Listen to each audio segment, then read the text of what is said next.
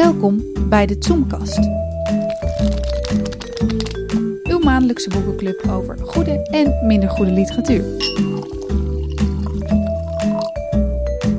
Hier is uw presentator, Willem Goedhart. Nou, dat is een leuk begin. eh. Nou, van harte welkom beste luisteraar. Aflevering 10 van de Zoomcast. Ons eerste jubileum. En dat niet alleen, we zijn ook precies een jaar bezig. Want vorig jaar begonnen wij deze podcast met het bespreken van het eh, Boekenweekgeschenk. Dat was toen van Giet op de Beek. Nou, daar waren we toch eigenlijk wel unaniem eh, enthousiast over. En eh, dit jaar eh, gaan, we, gaan we kijken of we daar overheen kunnen. Het is eh, de vooravond van de Boekenweek 2019 met als thema De Moeder, de Vrouw.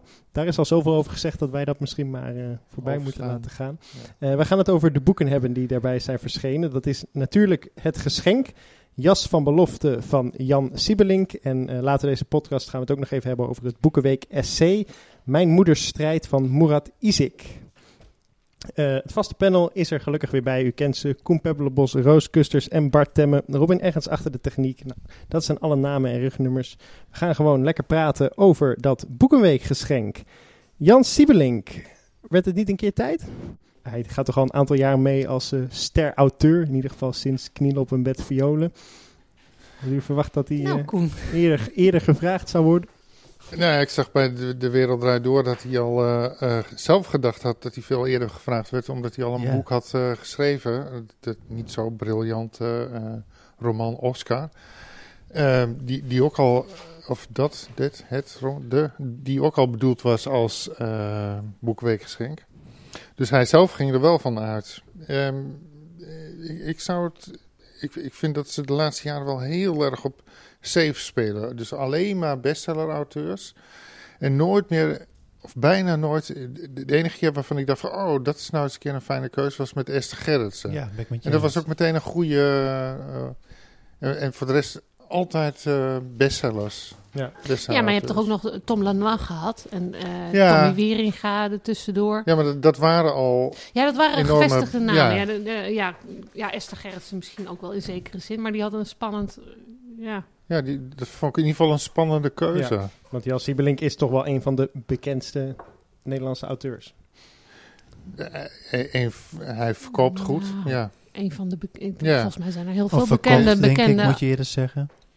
Hij Is- verkocht goed. Ja. Ja, Nou ja, hij heeft er gewoon eh, knielen op een bed violen. Hij heeft dat is Volgens gewoon... mega dat is zijn seller. grote, Ja. Grote boek. En hij Maar heeft daarvoor volgens mij ook hartstikke veel geschreven. Want Maar nooit veel verkocht. Als het boek er niet was Nee. geweest, dan hadden we niks meer van Siebelink gehoord, vrees ik. Die, die, nou, hij heeft toch al, al die jaren... dat, dat gerommel op de achtergrond, dat zijn die katten van Roos weer hoor. Ah Dus- ja, die Dat zijn er nog altijd bij. zogenaamde vechtkatten. Oh ja. Ja. Maar goed, eh, hij, hoe is hij als schrijver eh, of zijn oeuvre eh, te, te typeren? Kun je daar iets ter inleiding iets over zeggen? Ja, god, hij, eh, hij is ehm, in de jaren zeventig al begonnen. En eigenlijk zit van begin af aan zitten er al twee thema's eh, in. Dus dat is of een beetje die eh, eh, gereformeerde jeugd. dat, dat, die, die jeugd op de kwekerij. Nou, dat zit, dat zit al vanaf het eerste verhaal zo'n beetje erin. En aan de andere kant heb je de decadente Siebelink. En dat, dan, dat is altijd dat hij naar Parijs gaat of hij eh, is naar ook leraar Frankrijk. Frans, hè? Dus, Leraar Frans ook, Dus- hoor ik. En, Ja, nou, eh, dat is hij. Maar dat zit er ook ja. altijd in. Frankrijk En- en, en- 19e eeuwse romantiek. en hij heeft eh, in de jaren 70 ook een, roman van Huysmans eh vertaald.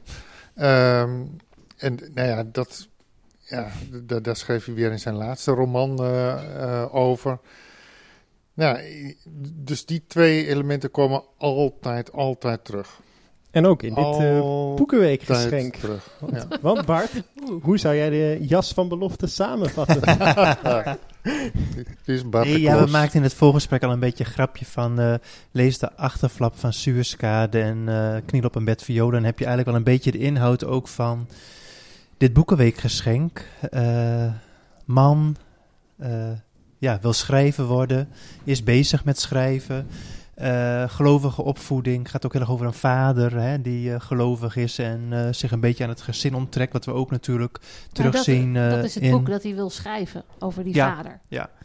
En natuurlijk eh, de leraar Frans natuurlijk, hè, die we ook in Suezkade al terugzagen. Zien we hier ook terug. Dat zijn allemaal weer thema's, eigenlijk die Koen net ook al opnoemde, die we hier ook allemaal weer eh, Ja. terugzien. Het Maar het zit, het, zit, het zit dan allemaal gevat in een soort ja, raamvertelling. Hij, hoofdstuk 1 is, is eh, man krijgt een beroerte of, of verhard, weet ik veel. Ja. Maar hij is in elk Ja. geval, eh, er is acuut een ambulance nodig. En dan eh, blikt hij terug in de ambulance op zijn leven. En eigenlijk zijn volledige leven, Mhm. denk ik. Van zijn jonge jaren als docent Frans tot aan na zijn tachtigste. Ja, dus ja. er wordt behoorlijk veel aangegrepen in die 96 pagina's. Althans, genoemd. En aan het eind, ja, verrassend.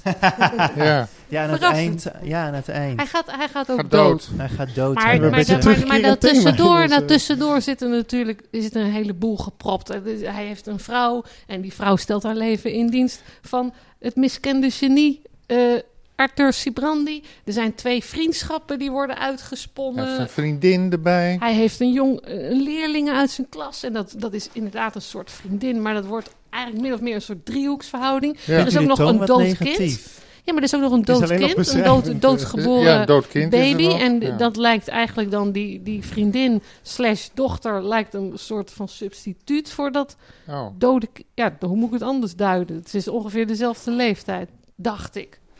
Of, er wordt zowel dochterlijk als Ja. eh, eh, met je eens hoor. Ja. amoureus naar gekeken, naar Ja. die Carolien. Ja. Nou ja, en, en ondertussen is hij zijn hele leven bezig en te promoveren, wat Ja. maar niet lukt, en een boek te schrijven, eh, wat ook niet echt vreselijk hard wil vlotten. En op het eind, oh ja, er worden natuurlijk ook nog reusachtige sprongen in de tijd gemaakt.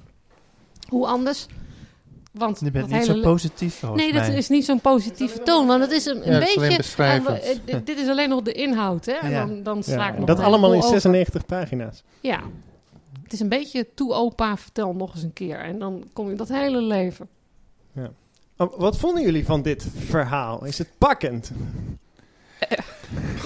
Ja, erg. ja het, het is een beetje, eh, ehm, ja, net zoals vorig jaar denk je van, eh, ja wat jammer dat eh, je geeft een geschenk dat je eigenlijk het liefst direct bij het oude papier zou willen eh, leggen. En dat is nu ook het geval, want ja, eh, Roos noemde al een enorme hoeveelheid thema's eh, op. Ja, die thema's komen er allemaal in voor en ze zijn allemaal niet uitgewerkt. Nee, zo alleen even is- aangestipt. ja. dat is het. Nou, dus daarom Ja. zeg jij, je zegt terecht, allebei, van eh, en daar heel Siebelings thematiek die, die, die zijn 80-jarig leven heeft uitgevent, heeft hij ook nog eventjes bij elkaar gepropt in dit boekje. Ja. Dus het is een introductie. En wat mij betreft, ja, ben je er dan ook wel vrij vlot mee klaar als je dit leest. Je kunt beter misschien ander werk van hem lezen. Ja, als, Dit je dit, niet. als je dit leest, denk je niet de rest van zijn oeuvre nog eens lezen. Nou, ik niet in elk Nee. geval. Nee, maar, nee, nee. ja. Ja, wat, wat, wat ik heel, heel raar vind, want als je het begint te lezen, dan zit er gewoon een eh, motto vooraf. En dat eh, komt van eh, Albert van Wij. En dat is de liefde die vriendschap heet. En dat gaat over de eh, vriendschap tussen Willem Kloos en Albert van Wij. En dat is een soort, achteraf kun je zeggen, een literaire homoseksuele vriendschap. Maar ja, de vriendschap die in het boek wordt beschreven, iemand met de naam, god ik vergeet hem de hele tijd, Loet. Loet IJzertje. Loet IJzertje, waarin we de schrijver Louis Ferron herkennen. Ja, mensen. Je kent hem Ehm, nog, hè? Wie kent hem Wie nog? was dat Ja. Dat was, eh, Dat is een- ook een miskend genie. ook miskend genie uit uh, Haarlem. Nee, schrijver uit Haarlem. Overveen. Want dat staat er gewoon in, Ja. dat hij uit Overveen kwam. Maar hij schijnt in dit boek, eh, woont hij bij een café De Zwart Boven. bo- boven, Ja, op- ja. Op, een etage daarboven. Ja. Ehm, alleen Ja. ook, eh, blijkbaar. En heeft hij een hele grote schare bewonderaars, die, Ja. die hij bij, tenminste Louis Veron bij leven in ieder geval niet had. Misschien zaten die in Café Slichting in Overveen. Oh, misschien zaten ze daar allemaal te kijken Nee, naar. weet het niet. Maar het wordt, wordt als een soort eh, heilige, eh, wordt het Ja, beschreven. Zo van, je durft niet in de buurt te komen, maar nou, daar zit een grote schrijver. Loet IJzer, hoe heet die Tje. nou? Petit Ver. Le Petit Ver, ja. weer is aan Frans. Frans, hè? En de hoofdpersoon, Arthur Sibrandi. Ja, en, nou, dan denk ik van ja, eh, of, of je maakt een eh, boek waarin je die vriendschap eh, mooi beschrijft, of eh, eerlijk beschrijft, of, of wat dan ook. Maar dit is ook weer zo half niksig. Ik denk van ja, ik, ik krijg hier geen mooi beeld van Louis Ferron eh, Helemaal uit. Helemaal niet. niet, nee. Nou, dan, dan, dan, dan is het, ja, wat is het dan? Eh, en, en dat homoseksuele, ja, hij kust hem één keer op de mond, maar Ja. dat zit er voor de rest niet in. Terwijl er Hij- wel hij- verwijzingen in zitten. Hij zegt Nou, ook van, da- van je, je, ik, een echte vriendschap met jou is niet mogelijk, want jij bent getrouwd. En, eh, Ja, maar Dat- dat snap ik niet dat je dan zo'n motto voorin zet. Nee. Terwijl, terwijl hij later ook nog eens een keer dat verhaal van David en Jonathan eh, Klopt. uit de Oh, Bijbel ja. eh, citeert. Oh, ja. Ook die homoseksuele kant. Ja. Terwijl dat totaal verder niet uitgewerkt wordt. Ja, een goede vriendschap. Maar het is meer een vriendschap waarin die Loet IJzertje eh, eh, goe- goede wenken geeft voor de aankomende schrijver Sibrandi. ja. Maar En- het, het gaat ook niet eens alleen hierover. Hè? Nee, het gaat nee, dus over nee. een heleboel meer. En deze Maar Loet je IJs- ver- IJzertje, die komt pas halverwege eens een keer om de hoek Ja, kijken. want daarvoor heb je ook nog de vriendschap met eh, een criticus Edwin Womperijs. Wie is dat dan? Nou, ik weet het niet. Jij Nee, ik wist ook het. Bart. Nee, jij ik dacht het dat niet. Rob Schouten was. Nou ja, Rob Schouten, Tom van Deel, eh, Koen noemde nog. eh, Ad Zuiderend? uit Ja, ik weet het niet. Nee, eh, weet het ook geen niet. idee. geen Ah ja, maar je gaat dus wel je, Je- afvragen Je gaat een wie paar is wie. oude Want, want, poëziecritici ga Ja. je bedenken. ja, omdat, omdat verder naast, naast Louis Ferron ook nog eh, er een, een, een uitgever eh, langskomt die verdacht veel lijkt op Robert Ammerlaan. Ja, ja, Ja, dat is weer van de bezige bij waar Siebelink gedebuteerd is met die, of althans die kniel op een bed violen. ja, kniel op Bert Viola, maar dat, dat was Ja. na, nadat eh Siebelink is begonnen bij Peter Loep, uitgeverij, die is over de kop gegaan, is toen naar, of nou niet toen, maar is eh, al naar twee boeken volgens mij al overgestapt naar Meulenhof. En is na Meulenhof overgestapt naar Robert Ammerlaan. En pas bij Robert Ammerlaan in eind jaren 90 heeft hij pas succes gekregen. nee, Of ja. wa- wa- wanneer is dat? eh, ja, dat is 2000. 2000 Kniel op pas. een bed 2000, violen. 2008, 2009. Dan toch? pas? Ja, Oké. ja, ja, dat boek komt toch uit 2009 Ja. Ik zo? kan het zo Volgens mij wel eerder in Ik dacht, dacht maar iets goed. eerder, maar... Ja. Oké. Maar Eh. misschien is- heeft, heeft Siebelink zich dan tot die tijd ook dat miskende genie gevoeld wat, wat die op een bed violen is van 2005. Oké. En het is natuurlijk wel in de jaren 90 en begin eh, de- dit, deze eeuw dat Ammerlaan daar ook in zwart eh, langskwam en een beetje voorschotten aan het uitdelen was. Dus En vond je het niet buitengewoon hilarisch dat de barman van de Zwart de wit. de Witte heet? Of de Wit? ja, eh, volgens mij hoeven we er verder helemaal niet op in te gaan, Nee, hè? denk ik. Maar die eh, Arthur Sibrandi, die voelt zichzelf dus ook een beetje een soort miskende schrijver. Is dat dan ook wat Siebelink, zeg maar, tot zijn succes met Kniel op een bed violen zelf ook wellicht heeft meegemaakt? Dat hij dat nog van zich af wil schrijven? Ja, Nee, verschil is er natuurlijk. Oh, sorry. Ja, verschil is er natuurlijk wel. Siebelink zelf, die heeft, heeft eerst nog eens twintig romans gepubliceerd of zo. Ja. En deze schrijver in dit boek, die zit maar zijn hele leven aan te hikken, te hikken. Tegen dat ene verhaal over zijn vader, dat hij zo graag wil vertellen. En dat duurt maar en dat duurt maar. En als ik een beetje dat tijdsverloop eh, volg, dan moet hij toch al over de 70 zijn als dat boek eens een keer wordt gepubliceerd. En daarvoor heeft hij op, op een, een enkel verhaal na helemaal niets gepubliceerd. Dus hij is Ja, leraar dat, dat vond ik ook heel raar in het boek, dat je heel weinig aanwijzingen krijgt van wanneer speelt het zich eigenlijk af. Mhm.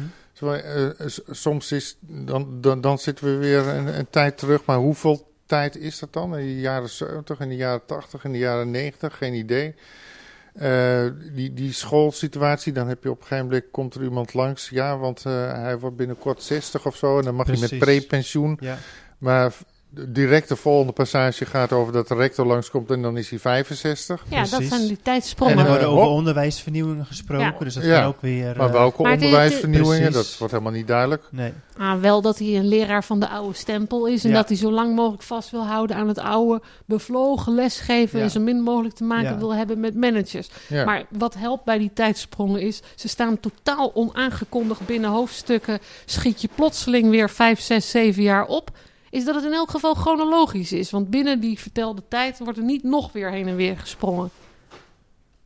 Voor zover ik dat. eh ja, je ga, ik zie, Ja, zie ik zit even eh, te denken of dat zo is. kan maar alleen dat- maar eh, het, luisteren. het wordt in ieder geval wel heel veel, heel grotendeels chronologisch verteld. Nee, En- het die, ik vond wel die raamvertelling, die komt echt twee of drie keer maar terug. Hè, met in een heel kort nee, fragment. wel vaker. Met een hele irritante cursieve opmerking, Ja, maar op, dat, toch, opmerkingen. soms dan lees je 10, 20 pagina's zonder dat je daar... dat klopt. Dat klopt, Als je ja. dat, ik, Dat, verdwijnt ik- wel steeds in de achtergrond. denk je, oh ja, Ja. dit is het levensverhaal van iemand die in de ambulance Klopt, ligt. maar dat merk je in het begin, want, want dan heb je nog een paar keer heel opvallend een zinnetje cursief cursief er tussendoor.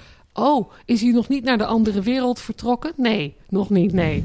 En dat wordt ga- gaandeweg steeds minder. Ja. Dat is een beetje onevenwichtig, maar wat ik mij vond betreft dat hadden het, we dat het daardoor ook die, die structuur eigenlijk niet tot zijn recht kwam, niet werkte. Ja, je had die cursiefjes er tussendoor Ja. van lig ik nog in, ben Had- ik al toegetreden tot de andere Precies, wereld of lig ik ook- nog in een wagen? Ja, die zijn volstrekt zoiets. overbodig. Ja, ik vind het ook Eh, heel erg gezocht. ja. En, eh, Nou ja, zijn vader is natuurlijk ook naar een andere wereld gegaan, hè? Ja, Ja, er is alleen maar een jas overgebleven. ja, klopt. En het merkwaardige is, aan het einde van het boek, eh, als, hè, als, als, eh, als ja, de hoofdfiguur doodgaat, Ligt er ook dan blijft er ook een jas over. Ja, Ja. mensen. Het lijkt Ja. wel literatuur, hè? Het is, eh, Ja. ik, ik vond zelf eh, de scène die mij het meest is bijgebleven, is helemaal aan het einde van het gewone verhaal. Dus niet de epiloog. Ik weet niet of het zo bedoeld is, maar ik moest er eigenlijk een beetje om lachen toen ik het Oh. eh, las. Dan eh, rijdt hij in zijn Lamborghini. Ja. Oh, Oh, ja. Duitse snelweg. Ja, Wil iemand dat eh, voorlezen? Welke Ja, doe. ja De doe laatste, maar even. Heb ik ook voor nog een leuke anekdote trouwens. Jij? Over de auto van Jan Siebeling. Oké, nou dan doen we die daarna. Dit is een Ja. eh, cliffhanger. eh. Eh, v- vanaf in, in een rustig tempo Ja. is dat? Zal er wel uitgeknipt worden, mijn anekdote, maar ik ga het wel straks even vertellen. Oké. In een rustig tempo reed Arthur Subrandi naar het Velperbroekcircuit. Borden gaven de Duitse grensovergang en Oberhausen aan. Op dit moment van de dag was er weinig verkeer. Zijn auto viel op. Een hand werd naar hem opgestoken. Arthur had een jongensdroom ingelost en zichzelf een Maserati in een zachtgrijze tint cadeau gedaan. Een zeldzaam exemplaar waarvan er slechts 800 op de hele wereld geproduceerd waren. Hij naderde de, grens. Nog hield hij in, keek opzij naar de donkerblauwe sportknop. Op de autobaan drukte hij de gladde knop in. Hij gaf, het gaf al een heerlijk gevoel. De V8 Ferrari motor gromde. Zeg je dat gewoon, V8 Ferrari motor? Oké. Ik nee, oud- ik- ik heb geen auto. Arthur gaf, gaf gas. De auto schoot naar voren, als uit een katapult. Hij accelereerde zo snel dat hij binnen 12 seconden op 220 kilometer zat. Daar ging hij al overheen. De motor hoorde je nog nauwelijks. Hij was gebouwd voor hoge snelheden. Arthur dacht dat hij alleen was, maar een auto kwam snel dichterbij, zat hem achterna, kwam naast hem rijden. Het was een crème-kleurige Lamborghini, met open dak en een hoge spoiler. De bestuurder stak lachend een hand omhoog, keek verbaasd toen hij Arthur zag. Hij reed Arthur voorbij. Die liet dat niet op zich zitten. Hij kwam snel op 260, nog harder. De wind suisde, floot, gilde langs de ruiten. Een gevecht. Arthur liet de Lamborghini achter zich. Dan de ultieme sensatie. De voorwielen spoten vuur door de wrijving, werden vuurballen, vuurkolommen. Ze maakten zich los van de aarde. Zijn vurige wagen met vurige paarden, o ruiteren Israëls, reed schuin omhoog de hemel in. En al gauw was de autobaan nog maar een smal streepje. Jammer dat Lisette en Caroline hem zo niet konden zien. I wanna go like Elijah when I go. ja, Nou, mooi voorgelezen, Koen. Ja, Ja, ja, het is ja, mijn nee, vak, hè. Nee, ik, moet- ik moet wel lachen, want ik heb eh, jarenlang bij de boekhandel gewerkt. Toen kwam Siebeling daar een keer eh, signeren.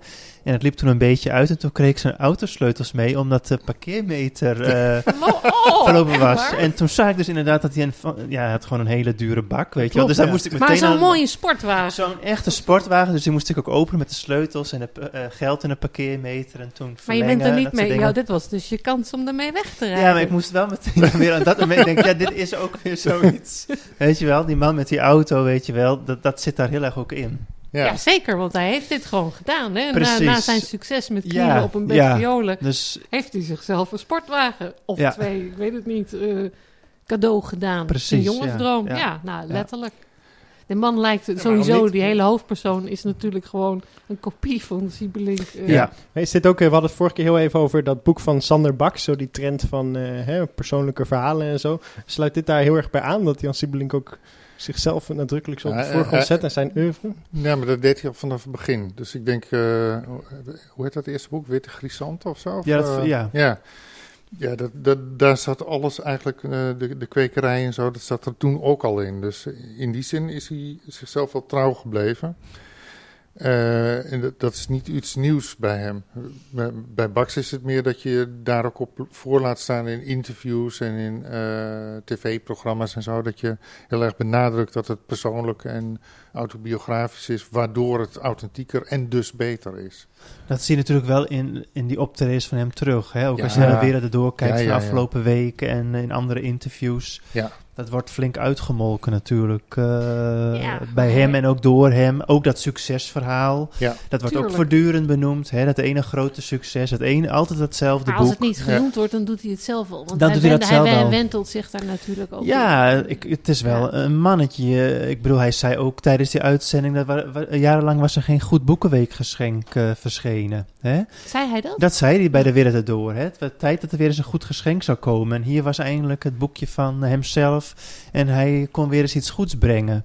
Dus totaal Ja. Ja, nou ja. onbescheidenheid Nou ja, hij, zie hij, je daar ook hij in vindt terug. het zelf heel goed. Dat, Ja. dat is eh, Ja, mooi. Hij werd Maar- daar ook eh, op zijn zachtst gezegd eh, afgerekend in de, de recensie van NRC. Kwam vanmiddag online te staan. We hebben andere recensies nog niet gelezen, want nee. we zitten dus nog voor de Boekenweek als we dit opnemen.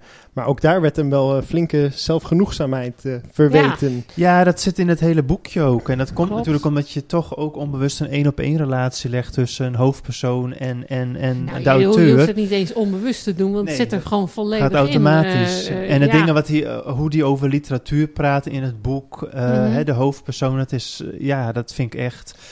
Is allemaal heel erg gemaakt. Maar, maar vinden jullie dat kies voor, voor een geschenk? Hè? Dat je, het is toch ook een soort eer om dit te krijgen als opdracht. Dat je dan jezelf. Nou, ik vind de schrijver is natuurlijk vrij om te schrijven Ja, wat hij wil. Dus dat vind ik geen enkel probleem.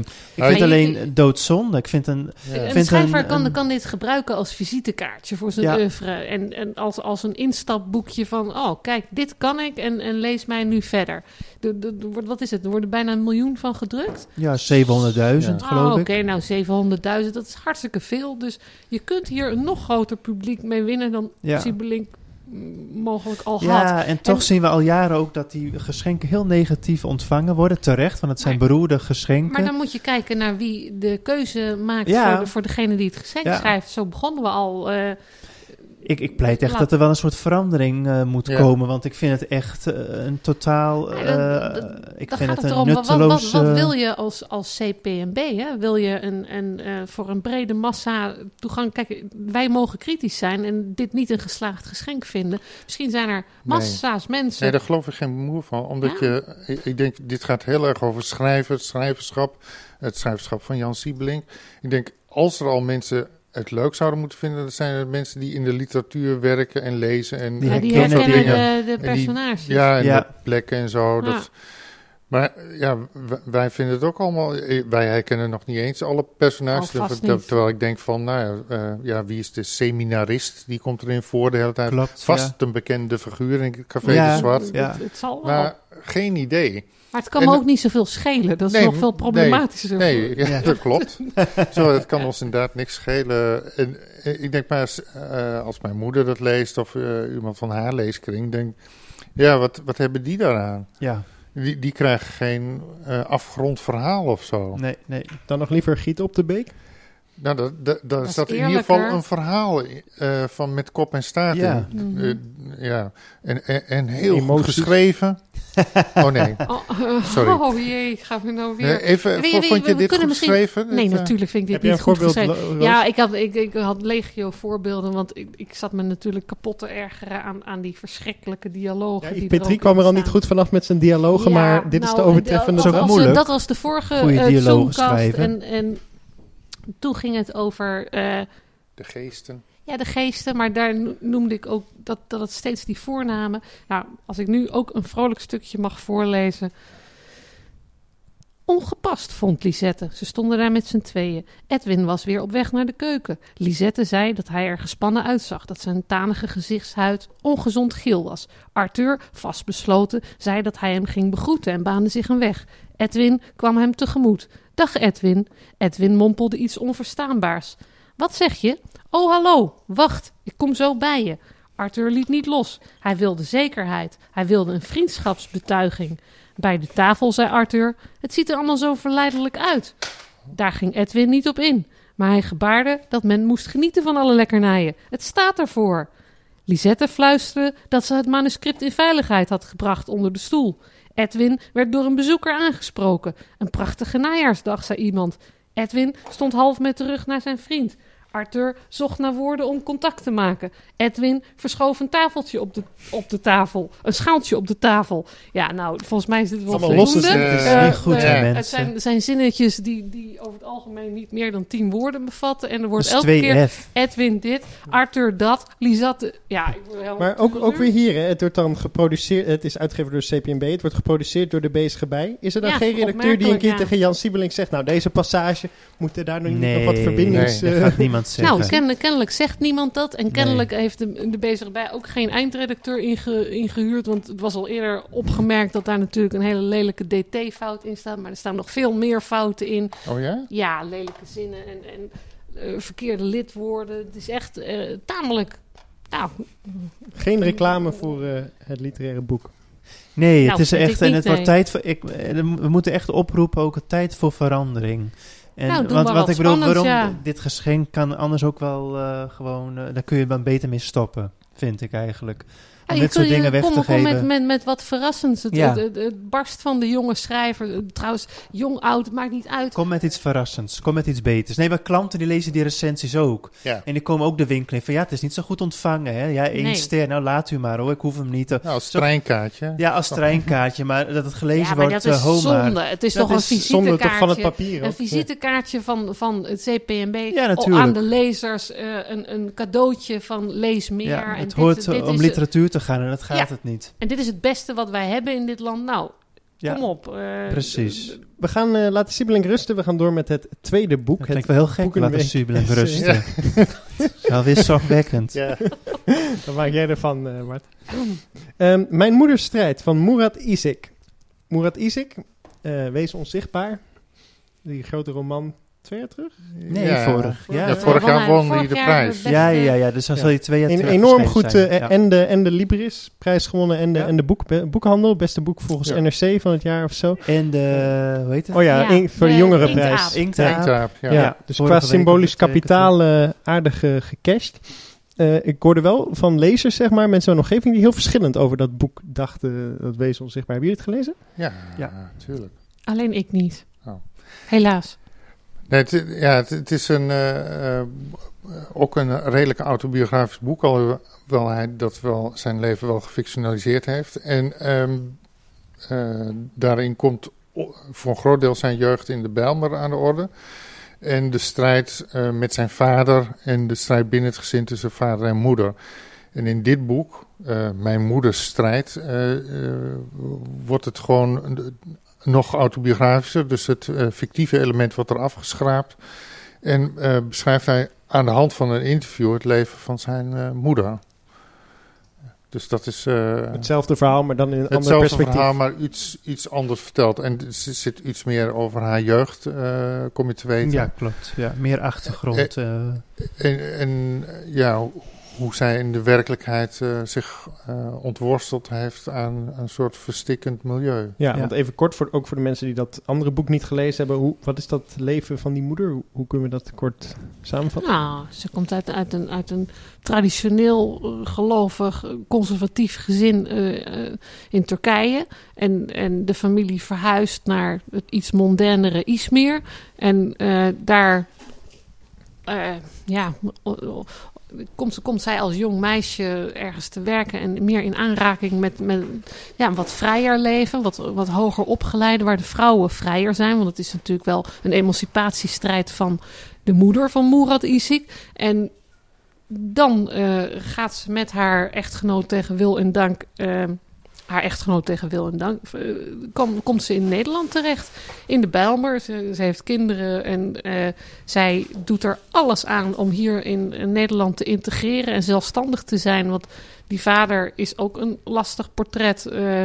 dus ze, ze is op alle fronten eigenlijk. eh, moet ze van ver komen. Eerst uit. uit Oost-Turkije, eh, een moeilijk gezin. Dan, Maar je ziet dat ze al een paar keer. eh, een, een, wat, wat niet in het boek, in de roman voorkomt, maar wel hier in dit boek, en dat vond ik wel mooi. Is dat ze een tijdje eh, in het gezin is van. ehm, mensen die wel modern eh, leven. Ja, En daar is op een eigenlijk westerse In, manier. in, is, in Ja. Izmir. Ja. Ja, in Izmir. En dan, Ja. en, en dan eh, ontdekt ze opeens, oh ja, zo kun je ook leven. Ja, het is en een eh, eye-opener. dan, dan ziet ze, ja, die, die, die vrijheid die ze daar ziet, die, die wil ze eigenlijk zelf ook hebben. Ja, dan krijgt ze een soort feministisch eh, ide- ideaal. Ja. Ja, ze ziet Nou, dat ze mannen, ruikt, ruikt haar kans Ja. natuurlijk. Van zo kan het ook. En dat is wat ze altijd al... eh, of vrouwen en wilde, mannen kunnen dus ook gelijk met elkaar omgaan. Oh ja, dat kan Ja, ik, dus ook. ik vind, want het, het heeft veel kritiek gehad. Hè. We gaan het niet over de hele discussie hebben. Ik vind het. je ik- bedoelt kritiek het vorige. Dat nee, het thema, het thema moeder de vrouw, dat ze dan twee mannen kiezen. Maar ik vind het een prachtig geschenk dat heel erg Nou, ook aansluit een- bij, gewoon- bij het thema. Maar dit is Eh, het en- essay, hè? En, Ja, en precies. bij het Boekenweekgeschenk Ja, hoeft het niet over het thema te Nee, gaan. maar En ze- hier vaak wel. Beide schrijvers zijn wel aangevallen van, eh, nou ja, twee mannen die Nou, nu dan kun je beter de eh, CPMB aanvallen, want Ja, die, die nou, maar dat is ook kiest gedaan, de- hè? niet deze auteurs. Hè, maar, Maar- ik vind wel, als je dit boek- boekje leest, ik vind dat het mooi... Het is een mooi, eh, ja, vind ik wel. Het Ja. zegt ook iets over de vrouw, het zegt iets over de moederrol, het Ja. zegt iets over... eh, eh, Nou, haar eh, emancipatie, ja, emancipatie, feminisme, eh, de. Integratie ook. Ja, dus ja, ik vind, vind ik Ja, wel vond mooi ook- hoor. Ik vond het ook een ontroerend boek om te zien hoe die moeder eh, al die, eh, eh, hoe noem je dat, fases moet doorlopen Ja. om Ja. eindelijk eens een keer eh, voor zichzelf te kunnen Ja, opkomen. ze willen met de onafhankelijk taal en zijn. in haar baan. En, Ja. en elke keer weer een barrière verder is. Nou, dat, dat Je krijgt wel- bewondering ook. Ja, dat krijg je zeker. Je krijgt bewondering bevo- voor. veel bewondering Ja. voor die vrouw, voor die moeder van Murat Isik. En Maar het is ook nog eh, plezierig opgeschreven. Kijk, eh, het, is, het is echt een heel... Nou, het is een interessant, bewonderenswaardig leven wat die vrouw eh, Het heeft is, het is geleid. geen essay. Nee, dat Nee, kun je, het, nee, is, is wordt niet. verkocht als het Boekenweek-essay, maar een essay is het eigenlijk niet. Het is gewoon een, ja, een levensbeschrijving van zijn Ja, moeder. maar Ja. Veel interview.